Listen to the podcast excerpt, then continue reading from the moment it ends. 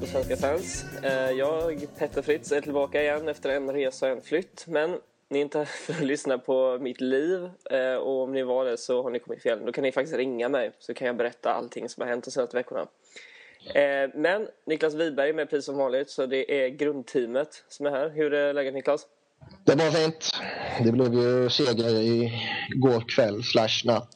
Så jag är nöjd. Ja, det är skönt att höra. Kings vann ju också natten till eh, söndag så att, eh, jag klagar inte heller. Det behövdes. Grattis. Tack, tack, tack. Stort tack. Uh, var det någon som blev överkörd i er match? Överkörd vet jag inte, men uh, det var en rolig situation i, i tredje perioden när uh, först fick Brian Campbell en liten lätt klubbspets av Max Talbot i, över läppen. Då. Och eh, någonstans långt inne i eh, käften så hade Campbell fått eh, en liten, liten, eh, ett litet sår helt enkelt. Så han plockade ut tandskyddet och eh, visade att titta det finns ju faktiskt lite, lite blod på det här. Så Max Talbot fick ju 2 plus 2. Jag kan säga så här, hade jag varit hockeyspelare så hade jag alltid fått 2 plus 2 år för att jag kan det här är äckligt men jag kan få det att blöda min mun rätt lätt. Är det bara att bita sig i tungan? Nej, jag behöver inte ens bita mig i tungan. I gommen vet du. Men jag menar, det, är, det är hur bra som helst. Jag menar, okej, det låter äckligt men, men då hade det blivit liksom 2 plus 2 varenda gång. Jag hade ju varit, jag hade ju varit mest eftertraktad spelare vid varje trade deadline. det kanske var det Campbell gjorde. Ja, precis. Ah, kanske var samma. Vad vet jag? Vad vet jag? Men det, det roliga sen är ju att med tre minuter kvar av matchen så får ju Max Talbot en sån saftig smäll av uh, en klubba över uh, över munnen då så att eh, han tappar några tänder. Eller en tand, några tänder, jag vet faktiskt inte. Eh, och blodet fossar. Men eh, det blir inte ens två minuter. Vilket är, eh, när man jämför de två situationerna, mycket, mycket komiskt. Du är säker på att det inte var så med sig en påse jordnötter som han slängde ut på isen? Nej, jag tror inte det var... Domarna kanske trodde det, för det blev ingenting. Det var Stefan Auger, så det förklarar väl ja, saken i sig. Mm. det största sågskottet av alla zebrorna. Men du, eh, Flyers har varit på tapet i veckan. Mm. Det är faktiskt det första ämnet vi ska ta upp nu. Eh, och det, hände, det var en händelse som skedde natten till eh, torsdag i svensk tid. Mm. Jag såg inte själv matchen, jag har sett bilderna. Men du kanske kan dra lite fort? Ja, alltså Tampa ställer ju upp i sin uh, vanliga formation uh, 1-3-1 med ett väldigt, väldigt lågt uh, utgångsläge. Och eh, Philadelphia valde ju helt enkelt att ja, stanna kvar i egen zon med sina två backar och snurra runt lite och passa till varandra lite lätt och försöka avvakta och locka upp Tampa Bay. Men de stod kvar i sina positioner. Någon gång lite då och då hände det väl att deras eh, forward högst upp tog två meter fram och sen vände tillbaka igen. Mm, mm. Vad, vad var din spontana reaktion själv som Flyers-fan? Nej, alltså det... För det första så är det ju inte bra för ligan. Eh, I och med att det är ju inte någonting som lockar nya fans om man ser det så. Och eh, just det här att det inte säljer produkten NHL, alltså det, där det är två lag som står på varsin planhalva och bara tittar på varandra. Mm. Men är, är inte det bra på ett sätt? Då kan de ju sälja mer reklam egentligen. Bara slänga reklamavbrott under tiden. Jo, men sälja reklam om det inte är någon som tittar, det känns meningslöst. Och just att det inte säljer produkten NHL, det är ju det som eh, väldigt många av de här eh, ledande kostymnyssarna eh, irriterar sig på. Nej, precis. precis. Eh, nej, men av vad, av vad jag har sett så, så ser det ju väldigt konstigt ut när, när ett lag gör så som Philadelphia gjorde. För jag menar, ah. det, båda lagen är ju där för att spela hockey och, och, och liksom, på något sätt så är ju ändå Philadelphia ansvariga för att det är de som har pucken. De ska ju ändå kunna gå fram, de kan ju dumpa pucken till exempel. Oh ja. Uh, ja, man kan vrida och vända på det precis hur som helst. Uh, antingen kan man argumentera, vilket Flyers gör då, att uh, Tampa Bay inte har någon egentlig avsikt av att vinna pucken så att säga, utan de vill bara...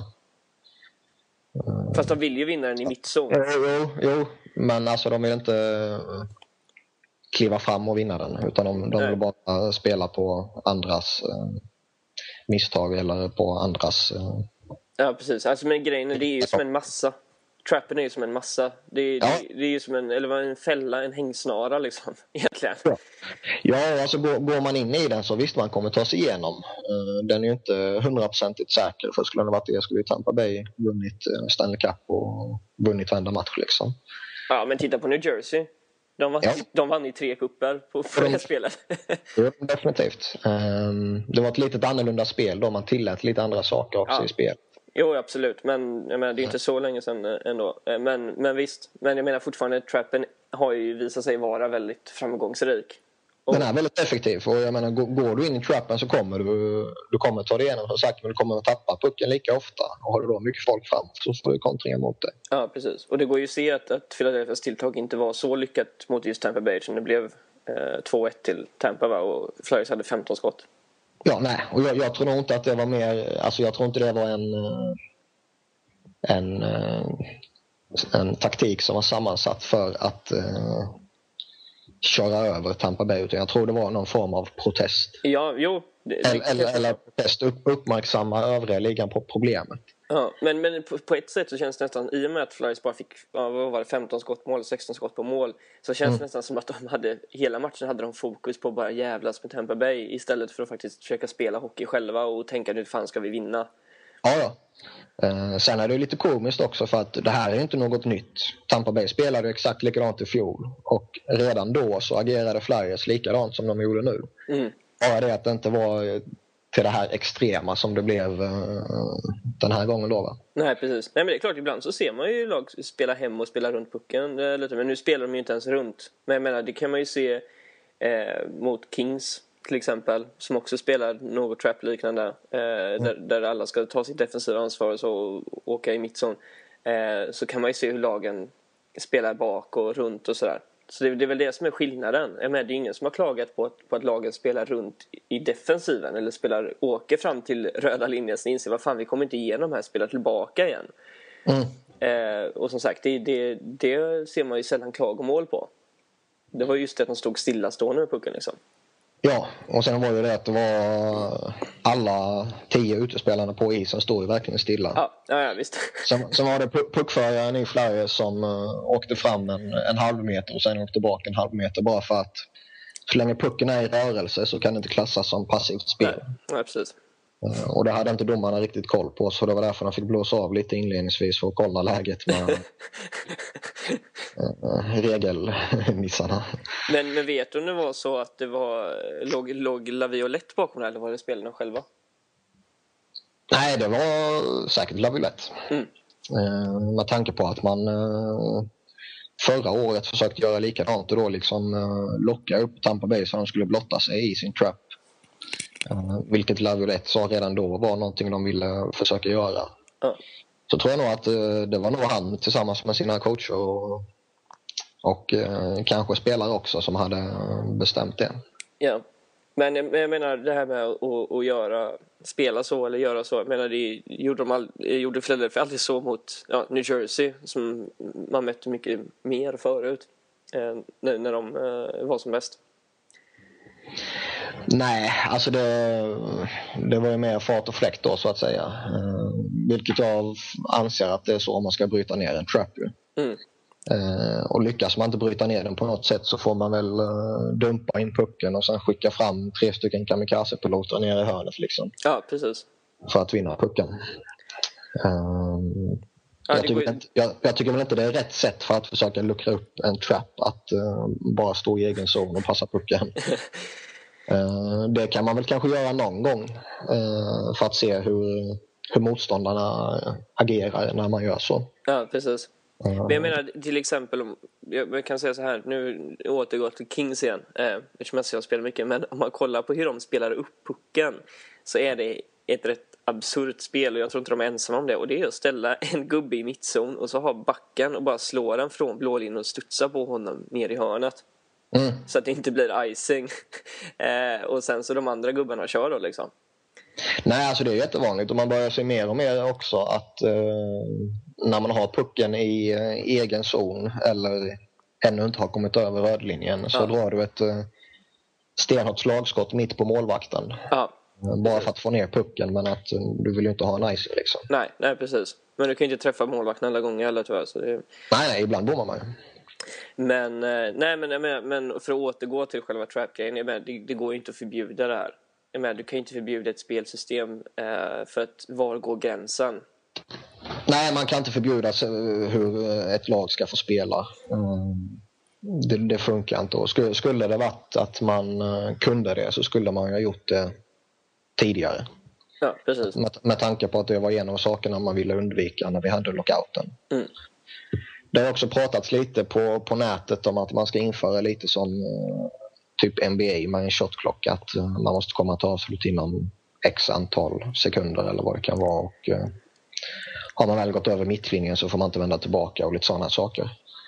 Men... Jag, jag, jag, tror det blir svårt i NHL.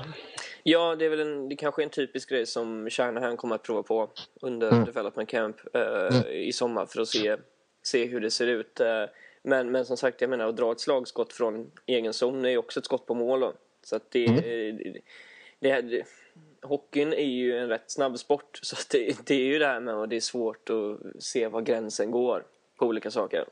Ja, däremot är det intressant att eh, TSNs Bob McKenzie uh, efter den här situationen kontaktade han ligans uh, eh, GMs och fick svar från 18 av dem. Mm. 13 stycken tyckte att Tampa var ansvariga för själva fassen medan tre, tre tyckte Flyers och Två stycken vågade inte ta sida. Eh, åtta av de här 13 som sa att Tampa hade skulden tyckte att eh, det måste till en regeländring så att det här inte upprepas. Ja, och det har ringt Paul Holmgren åtta gånger då antar jag? Ja, kanske. eh, och det, det, här ska ju tas upp på nästa GMs meeting. Ja. Eh, och som sagt, jag, jag tror nog det kan vara vettigt att ta upp det till diskussion och liksom lyfta problematiken med det. Men eh, som sagt, man kan nog inte förbjuda det.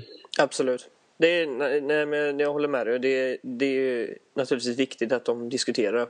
Och sen så som sagt så kan ju mycket väl Shanahan komma med ett motbud. Mm.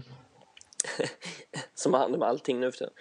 Ja, jo, jo. Men, men som sagt, jag, jag tror det är uh, just att inte sälja produkten med att uh, ja, två lag står och tittar på varandra. Jag tror det är det som, eh, som irriterar de här kostymnissarna som jag sa inledningsvis. Precis, för då blir det egentligen, om, om, om vi ska hacka lite på, på amerikaner så kan vi säga att det är ungefär vad de tycker att eh, europeisk eller sydamerikansk fotboll är. Att man bara står och passar en boll mellan sig.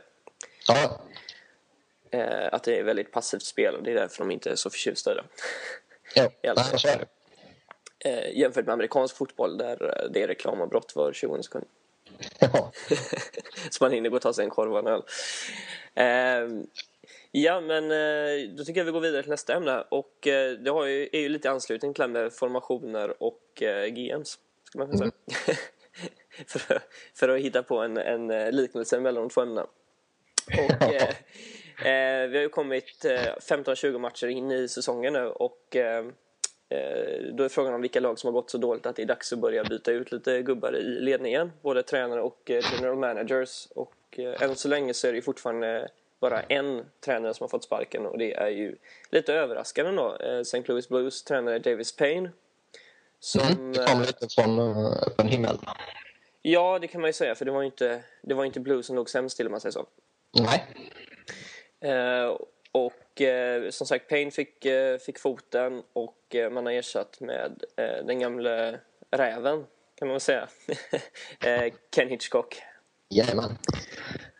Han har fått igång Blues direkt. Fem poäng av sex möjliga. Ja. Och hållit nollan vid två matcher. Så det är en okej början. Mm. Det får man ju absolut säga. Bättre än okej, okay, nästan. Jodå. Jodå. och ja, det har ju varit bra motstånd får man ju ändå säga. Eh, jag kommer ju aldrig se Toronto som ett bra motstånd eh, och det fick för övrigt vara laget de förlorade mot. Eh, men det var ju Chicago och vilket var det tredje laget? Uh, ja du, bra fråga. det var Tampa Bay var det. Så var det. Tampa Bay med 3-0. Så var det. och ja, det, det är det enda som man kan se som inte är så här, ja, jätte, jätte, jätte, jättebra är att eh, alla matcher hittills varit på hemmaplan. Mm. Så att man vet ju inte hur det blir när de kommer iväg liksom. Det, Nej, och ofta ser man ju sån här effekt när ett lag byter coach att eh, de första matcherna tänds man till som spelare och som trupp. ja, absolut. Det, det intressanta är ju efter de kanske fem, sex inledande matcherna hur, hur det tar sig då. När, och eh, framförallt hur, eh, hur spelarna i det här fallet då eh, hanterar Ken Hitchcock och Ja. hans agerande. Precis, det är ju, eh, att skaffa en ny tränare är ju lite som eh, att vara i ett nytt förhållande. Det blir, det blir en viss honeymoon-period där när man är jättekära och allting är jättebra. Ja, ja. Och sen börjar man upptäcka varandras. Brister, ja men, nej men Hitchcock är ju en, en vad ska man säga, han, han är ju en, en, en skön typ liksom. Han, och dessutom har han ju vunnit Stanley Cup med, med Dallas 99. Mm. Eh, Så där har vi ju en Brett Hull eh, eh, koppling kan man säga. Absolut. Eftersom Brett Hull spelade länge i St. Louis och sen avgjorde tveksamt i eh, finalen 99 där mot Sabres. Eh, och, men, men frågan är ju om han, om han kan upprepa den här bedriften i St. Louis nu, Hitchcock. Eh, inte, inte inom den närmaste framtiden. Nej, alltså Blues lagbygge kan ju inte utmana om Stanley Cup i år. Eh, och eh, skulle de inte förstärka väldigt mycket under sommaren så kan de nog inte det nästa år heller. Nej, Däremot har de ju eh, en ung stomme som med rätt utveckling och utbildning kan, och lite förstärkningar i framtiden mycket väl skulle kunna bli någonting. absolut. Men det är det laget inte har fått än så länge. Nej, det är det. De har ju, ingen, ingen av talangerna har egentligen utvecklats som de borde. Nej, det, de har ju en hel drös där med uh, Oshie och Berglund i spetsen kanske som definitivt måste kliva fram nu. Ja, de har ju underpresterat i, ja, sedan de började. Ja, Ehm, men eh, vi kan inte hålla på och snacka om, om ett lag som redan har bytt utan vi ska gå vidare till de som, som måste byta och eh, nu kan vi gå vidare till laget som Hitchcock tränade senast, eh, Columbus. mm, det är väl det mest uppenbara alternativet. Det får man ändå säga. Eh, och där känns det väl som att eh, alltså den, den inledningen de har haft eh, efter eh, sommarens eh, stora makeover. Vi har ju pratat lite om dem tidigare Ja. podcaster här och den är ju katastrofalt dålig. Eh, de har en av ligans högsta lönekostnader och alltså det, var, det var en satsning som vi aldrig har sett Columbus göra tidigare. Nej. Det, det, det, det närmsta vi har kommit att se dem satsa så var ju när, de, eh, krita, eh, när Nash kritade på sitt nya kontrakt. Ja, ja. Ehm, och det här har lett till eh, tre segrar på 16 matcher. Ja. och, och ligans sämsta defensiv. Ja, Så det, och det känns väl som att både eh, Scott Arniel, coachen, och eh, Scott Howson, general manager, sitter löst där. absolut. Eh, men, Jag trodde att de skulle få kicken för en vecka sedan ungefär när de hade ett fyra, matcher, eller fyra dagars långt speluppehåll. ja, men istället så vaknade vi upp till att, eh, att Davis Payne hade fått sparken. Jajamän. Eh, men, eh, nej men absolut, de ligger dit till och sen så är det, kan man ju även säga så att Steve Mason har ju varit katastrofal också. Ja, han är inte i närheten av att nå den nivån han hade under sin rookie-säsong. Nej, precis. Eh, Men där tycker jag att lika mycket skuld som ligger på Mason för han är ju faktiskt riktigt dålig under långa jo, stunder. absolut. Ja, men det är det jag menar. Att, att, Det ligger ju lika mycket skuld på ja, Hausen då i det här fallet eh, som inte ger honom någon vettig backup. ja, typ, tar egentligen, jag menar, om man ska vara helt ärlig så var ju eh, Matthew Garon var ju perfekt i Columbus. Enligt Ja. min mening. Ja, alltså bara egentligen eh, vem fan som helst. Bara någon, någon äldre veteran som Ja. kan gå in och, och vara trygg och lugn i sitt agerande och stötta Mason och, och samtidigt gå in och kunna prestera på matcherna om det skulle behövas. Precis. Men det kan ju det kanske blir så att de plockar dem på waivers, det får vi se. Men, men eh, de måste göra någonting. Jag menar, Känns, Mace- känns som att det är för sent för den här säsongen. Ja, jo, så, Eh, det så skulle sett ja. Var för Masons fortsatta utveckling i så fall. Jo, men jag menar, grejen är så här de borde nästan i min mening trada Mason nu. För att jag menar, han har ju visat att han har en enorm talang. Men det kan vara att han behöver ett miljöombyte. Ja, och det känns som att eh, hans värde minskar ju rätt så rejält för varje match som går. Precis. Eh, men, men det återstår att se. Men sagt, de häng, både Arniel och Hausen hänger ju löst. Liksom. Och jag menar, okej okay att Carter har varit skadad. Men eh, det hjälper inte så mycket. Han Nej, de har, de har haft lite oflyt där med Carter skadad som sagt. Och Wisniewskis avstängning också. Ja, utarmar deras försvarsbesättning rätt så ruggigt ju. Ja. Men eh, inte ens för ett lag som Columbus eh, ska man komma undan det liksom.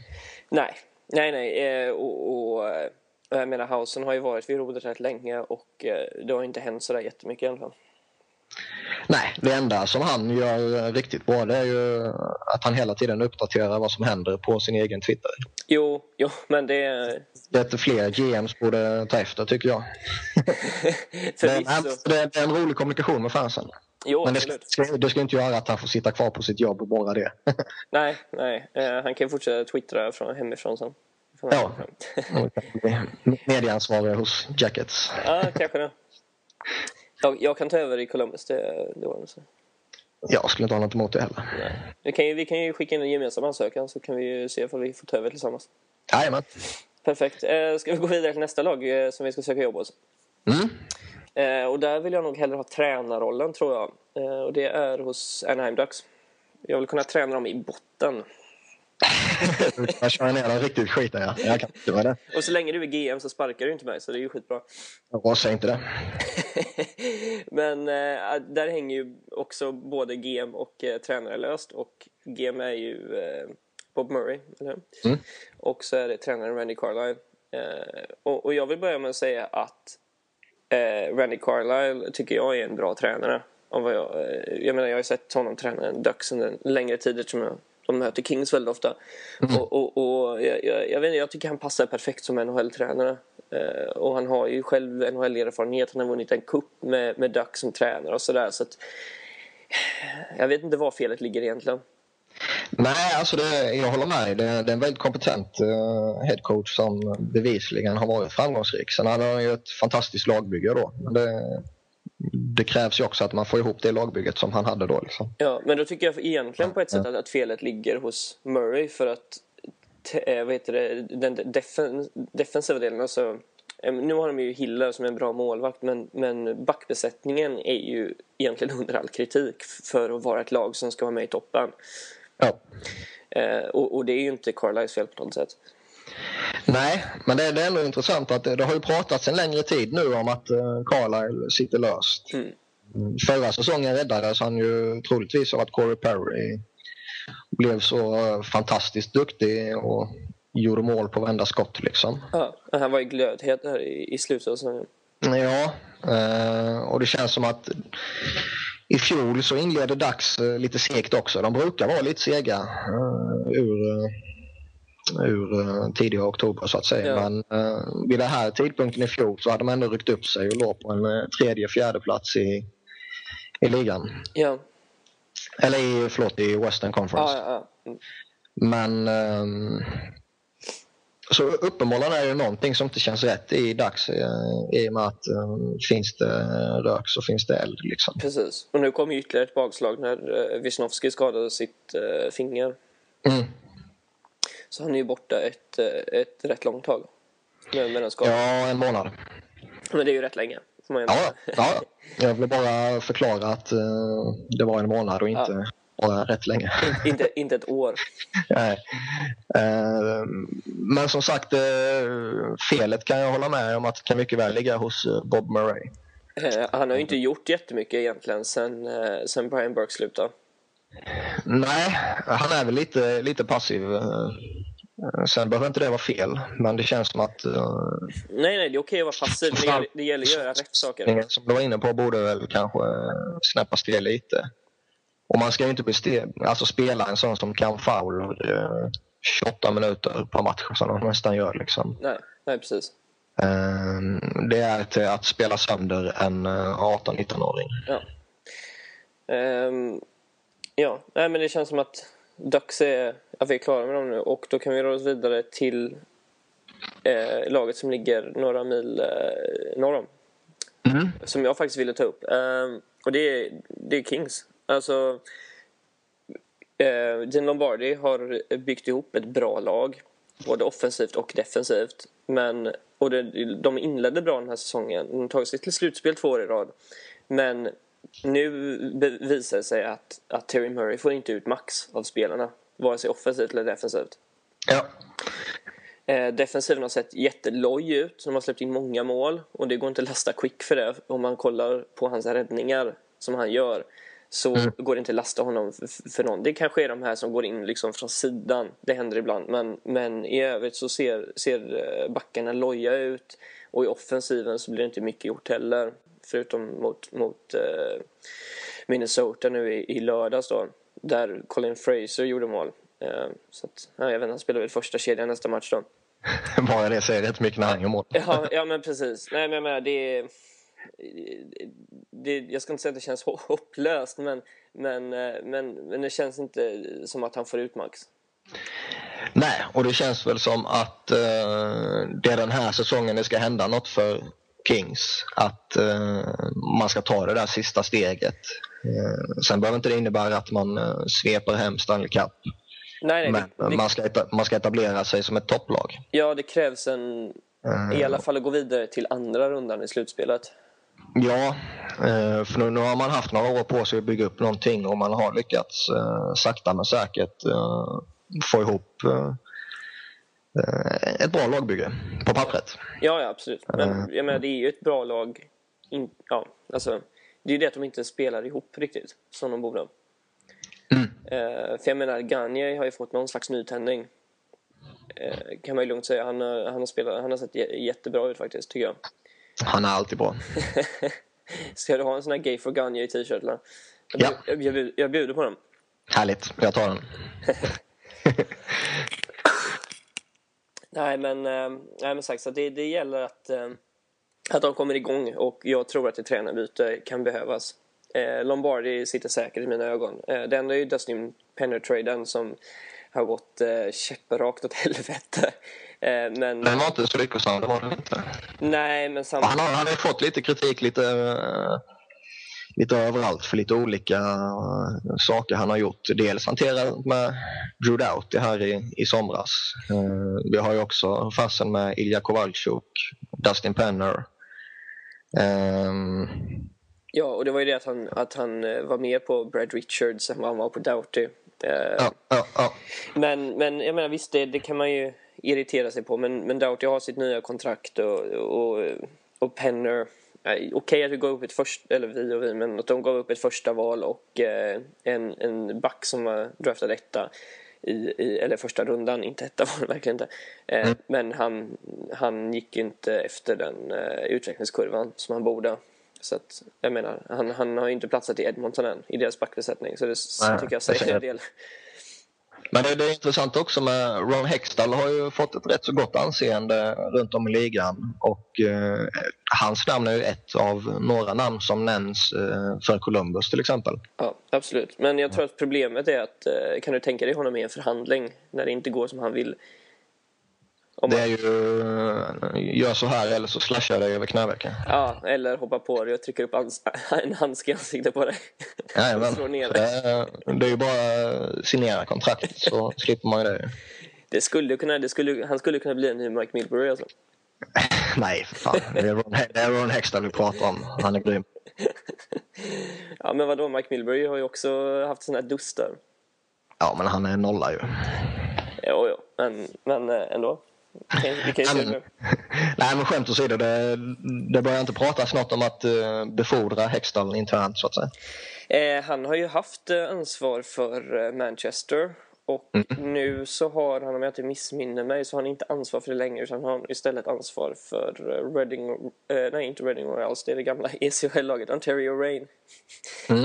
eftersom det bara ligger några mil utanför Los Angeles så har han koll på det då jag tror inte att han skulle ersätta Lombardi utan det skulle väl vara om, om Lombardi får för sig att göra något annat.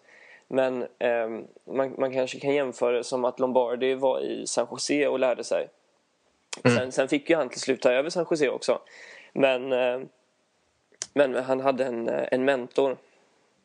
Eh, så hade, och, och, det tror jag att det Lombardi är för Hexton nästan. Jo, så är det säkert.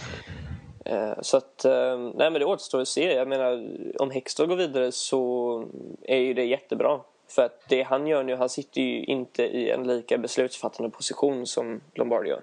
Så att eh, det vore en förlust för organisationen men det vore inte en lika stor förlust som att bli av med sin GM. Nej, givetvis. Sparka GM är ju alltid ett misslyckande. Ja. Och, och, och sen, det är det enda tråkiga med, med om Hextall skulle försvinna att vi har en mindre i Phil L, eller Fi LA Delphia. som, det, som det så fint kallas för att det är så många från Flyers organisation eh, både spelare och tränare i, eh, i Kings. Så är det. Eh, och det är kul. Fast mm. det gör ju samtidigt att du och jag tycker eh, ser saker med samma ögon nu för tiden. Så det, det, blir inte lika mycket diskussioner. Om man säger så, det är skillnad på gammal Philadelphia-spelare och gammal Philadelphia-spelare. Förvisso. Men eh, ja, hade du något mer lag du ville ta upp? Uh, Ottawa. Jag tror väl att uh, Paul McLean sitter tryggt hos dem i och med att han precis har kommit. Uh, och han kommer nog få lite uh, längre tid på sig att försöka göra något vettigt av det där lagbygget. Ja. Men däremot Brian Murray, GM, är ju ett under att han fortfarande får sitta kvar. Ja, men du... Han borde egentligen fått kicken för ett, två eller tre år sedan. Ja. Så hur han har skött sakerna där både hur han har satt ihop laget och eh, framförallt hur han har skött eh, vissa saker. Ja, absolut. Nej, jag håller med dig. Eh, och, men det med McLean, alltså det går inte... För det första, det är ju Movember just nu. Mm. Du sparkar inte en man med, med hans mustasch i Movember. nej, det skulle vara eh, men, nej, men jag håller med. Det är ju ett ungt lag. Det är ingen som förväntar sig eh, att, att, det ska, att de ska vinna en cup. Liksom. Men det har ändå gått eh, rätt bra, får man ändå säga. Ja, alltså de har ju överträffat förväntningarna. Sen är de ju fortfarande ett pinsamt dåligt lag i defensiven, men ett, ett lag som definitivt kan göra lite mål. Ja. Så att, nej, det är, bara, det är egentligen bara att se hur det går. Mm. Tycker jag. Jag menar, om man ska se Ottawa utmana så är det utan Murray, i min mening. Ja, jag håller med. Och, och det kommer ju dröja två år kanske. Mm. Eh, så att det... Nej, det återstår att se. De försöker ju bygga en svensk koloni, vilket eh, på sitt sätt är kul. Oh, ja.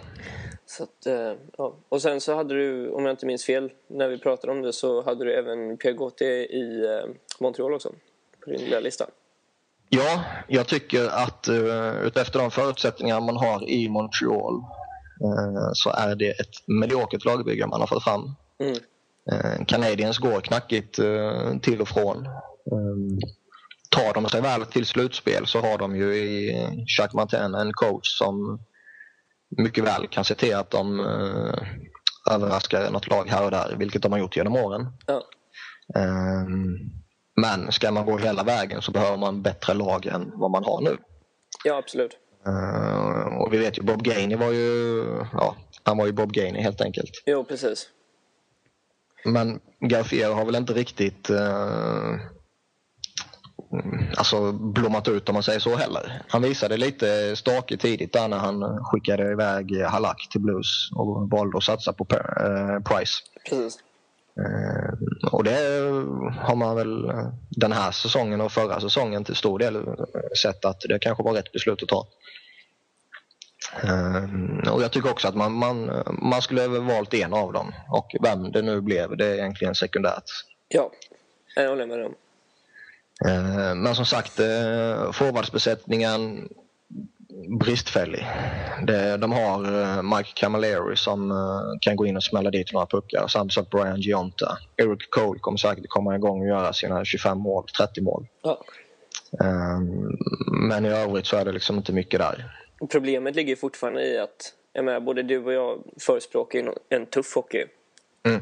Och jag menar om, om de flesta, de flesta av Montreal-spelarna försöker tacklas så är det de själva som trillar. Ja, typ. Så att, eh, jag vet inte. De, jag, jag, tycker att de borde få in mer tyngd också. Men de, mm. de, har, ju, de har ju lite tyngd i, i fråga om, om eh, backar och sådär. Men, men och, och, lite ner i, i tredje fjärde kedjorna. Men det är ju inte, det är, det är inte direkt någon power forward som har i, i offensiven. Eh, Nej, alltså backbesättningen är okej så länge de är friska. Eh, och så länge Markov framförallt kan hålla sig frisk. Precis. Eh, men som sagt forwardsbesättningen behövs mer matchvinnare. Ja. Och man tycker att ett lag som Montreal med sin fina historia och rykte ska kunna locka spelare utan att behöva överbetala något fruktansvärt. Absolut. Det tycker jag bra. ska vi gå vidare till sista ämnet då? Det kan vi göra. Uh, och då har vi egentligen, vilket, uh, det är ett ämne som inte har något som helst med det andra att göra. Man kan säga. Uh, och då är det den här kampanjen som Foppa håller på med. Mm. som vi tänkte ta upp. det är ju rätt hett ämne man ska säga eftersom ja, det är en kampanj för Svenska Spel. Vilket för det första är rätt udda. Hade det varit en kampanj för Viasat så hade jag, så hade jag förstått det mer om jag ska välja. Mm. Mm. men vi ska kanske inte prata så mycket om själva kampanjen eh, men, men det är ändå värt att se eh, den här minidokumentären som är på 10 minuter som finns på eh, Facebook på deras grupp där man även kan skriva under sitt namn och som alla de här papperna ska sedan skickas in till NHL som en slags protest mot att det är så många sena matcher på helgerna. Ja. För det är det hela grejen handlar om att, att det ska spelas fler tidiga matcher på helgerna Eh, så att folk i Europa kan se. Ja, alltså veckomatcher är ju inte aktuellt överhuvudtaget för då har de inte någon publik i USA och Kanada ju. Nej. Om det inte är en helgdag så att säga. Nej, precis. Men eh, och jag, alltså, lördagsmatcher i Kanada är nog helt utslutet också i och med att Hockey Night in Canada är en institutionaliserad grej om man ska säga lite vackert. Precis. Uh... Däremot USA har ju tidigare eh, väldigt många tidiga kvällsmatcher här borta. Eh, det har inte varit så mycket denna säsongen. Det har knappt varit någon matiné på lördagen alls ju. Nej, de körde ju på, på Columbus Day där som är en röd dag. var det lite matcher. Det ja. är ju en måndag. Men, mm. men det, det jag känner spontant är att söndagar är ju nästan uteslutet för då är det fotboll som gäller. Mm. ja, alltså de har, de har ju mycket att ta hänsyn till där. Ja, och, och, tidigare på säsongen så är det basebollen. Det går ju bara att titta på eh, Texas Rangers har ju gått väldigt bra de senaste åren och det innebär att Dallas har typ 8000 på läktarna de matcherna.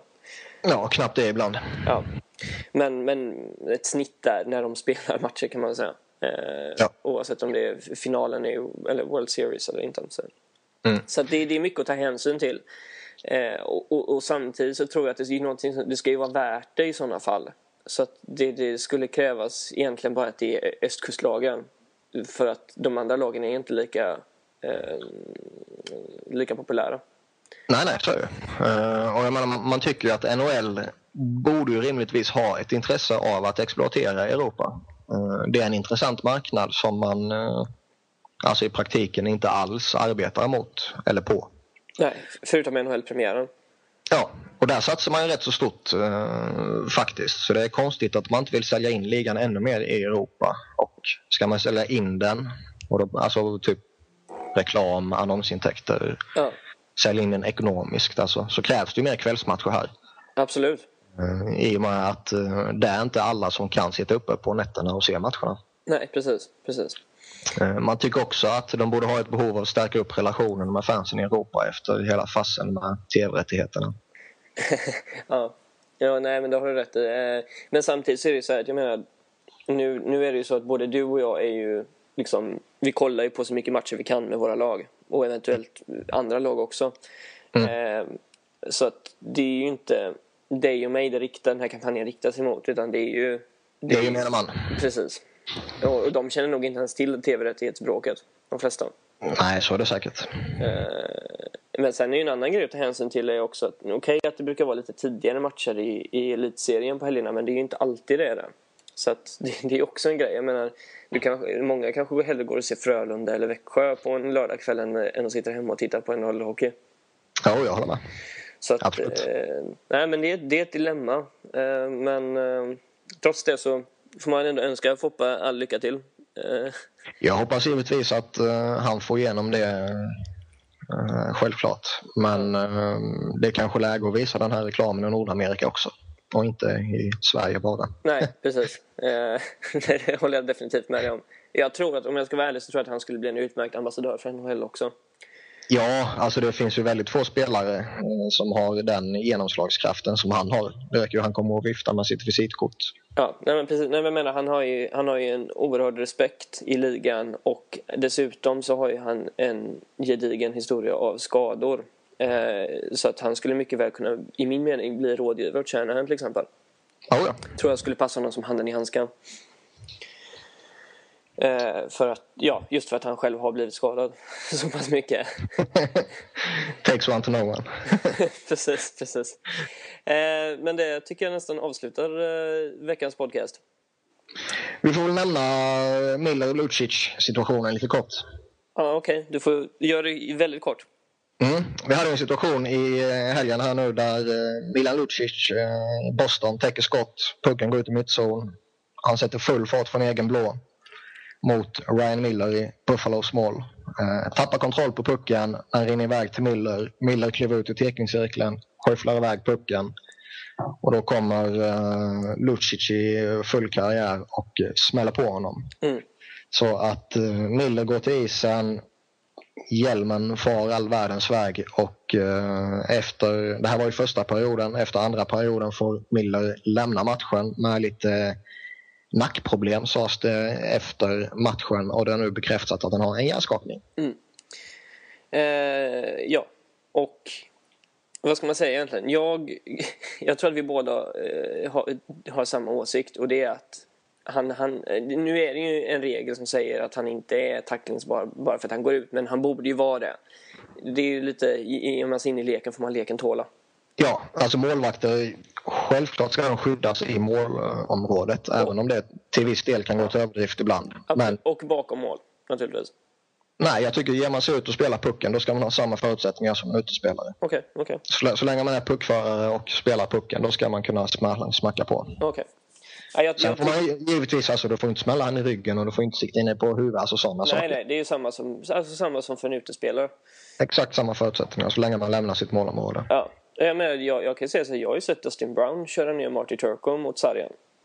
Ja, eh, med, det är som tätt Ja, så att jag menar det... Och, och det var ju inte, det var inte sargen bakom mål utan det var ju nästan ända uppe vid blå linjen. Tror det var ja. Marty Turco vi snackar om. Ja. Eh, så att, eh, så att, och det var ju, det blev ingen utvisning så vitt jag vet. Eh, alltså Nej, jag, jag, tycker att jag håller med dig om att han ska vara spelbar. Men däremot så tycker jag att han fortfarande ska vara skyddad bakom mål. För att det är ändå en del av hans eh, målområde. Fast målområdet är ju den där blåa... Jo, jo, okej, okay, inte målområdet, men det är en del av hans område. Nej, jag, jag är med på vad du menar. Ja. Men eh, det, det som är intressant i den här situationen är ju också hur eh, Buffalos spelare agerar. Eh, de gör ett litet halvhjärtat försök att stå upp för sin målvakt, men det är liksom inte någon som verkligen markerar att vad fan håller du på med liksom? Nej. Sen är det ju nog ingen i, i Buffalo, inte ens uh, den där riktigt uh, tuffingen Patrik Kaleta, den lilla fjollan. Han vågar inte gå på Lucic och det är väl inte någon som är förvånad över det liksom. Det skulle vara med huvudet före i så fall. Ja, möjligtvis. Men, uh, och jag tycker nog också att man, man, ska nog inte ge sig in i en fight med Lucic i, i det läget utan vad man ska göra det är att köra över Tim Thomas när bästa ja, möjliga läge uppstår. Och eh, fler åsikter och även åsikter från våra läsare på Svenska fans går att läsa i ditt blogginlägg som du skrev om den. Yes. Eh, där du fick motta eh, viss kritik. Mm. Och även en viss stöd också. Ja. Men nu är det dags att avsluta. För vi har viktiga saker för oss. Och som, som vanligt så kan ni följa oss på Twitter och då är det Petter Fritz som är mitt namn där och eh, Niklas Wiberg heter Niklas Wiberg. Båda i, i eh, ett ord. Och eh, ja, tack för att ni lyssnade och eh, lyssna igen nästa vecka. Jajamän. Tack. Tack. Hej. Hej.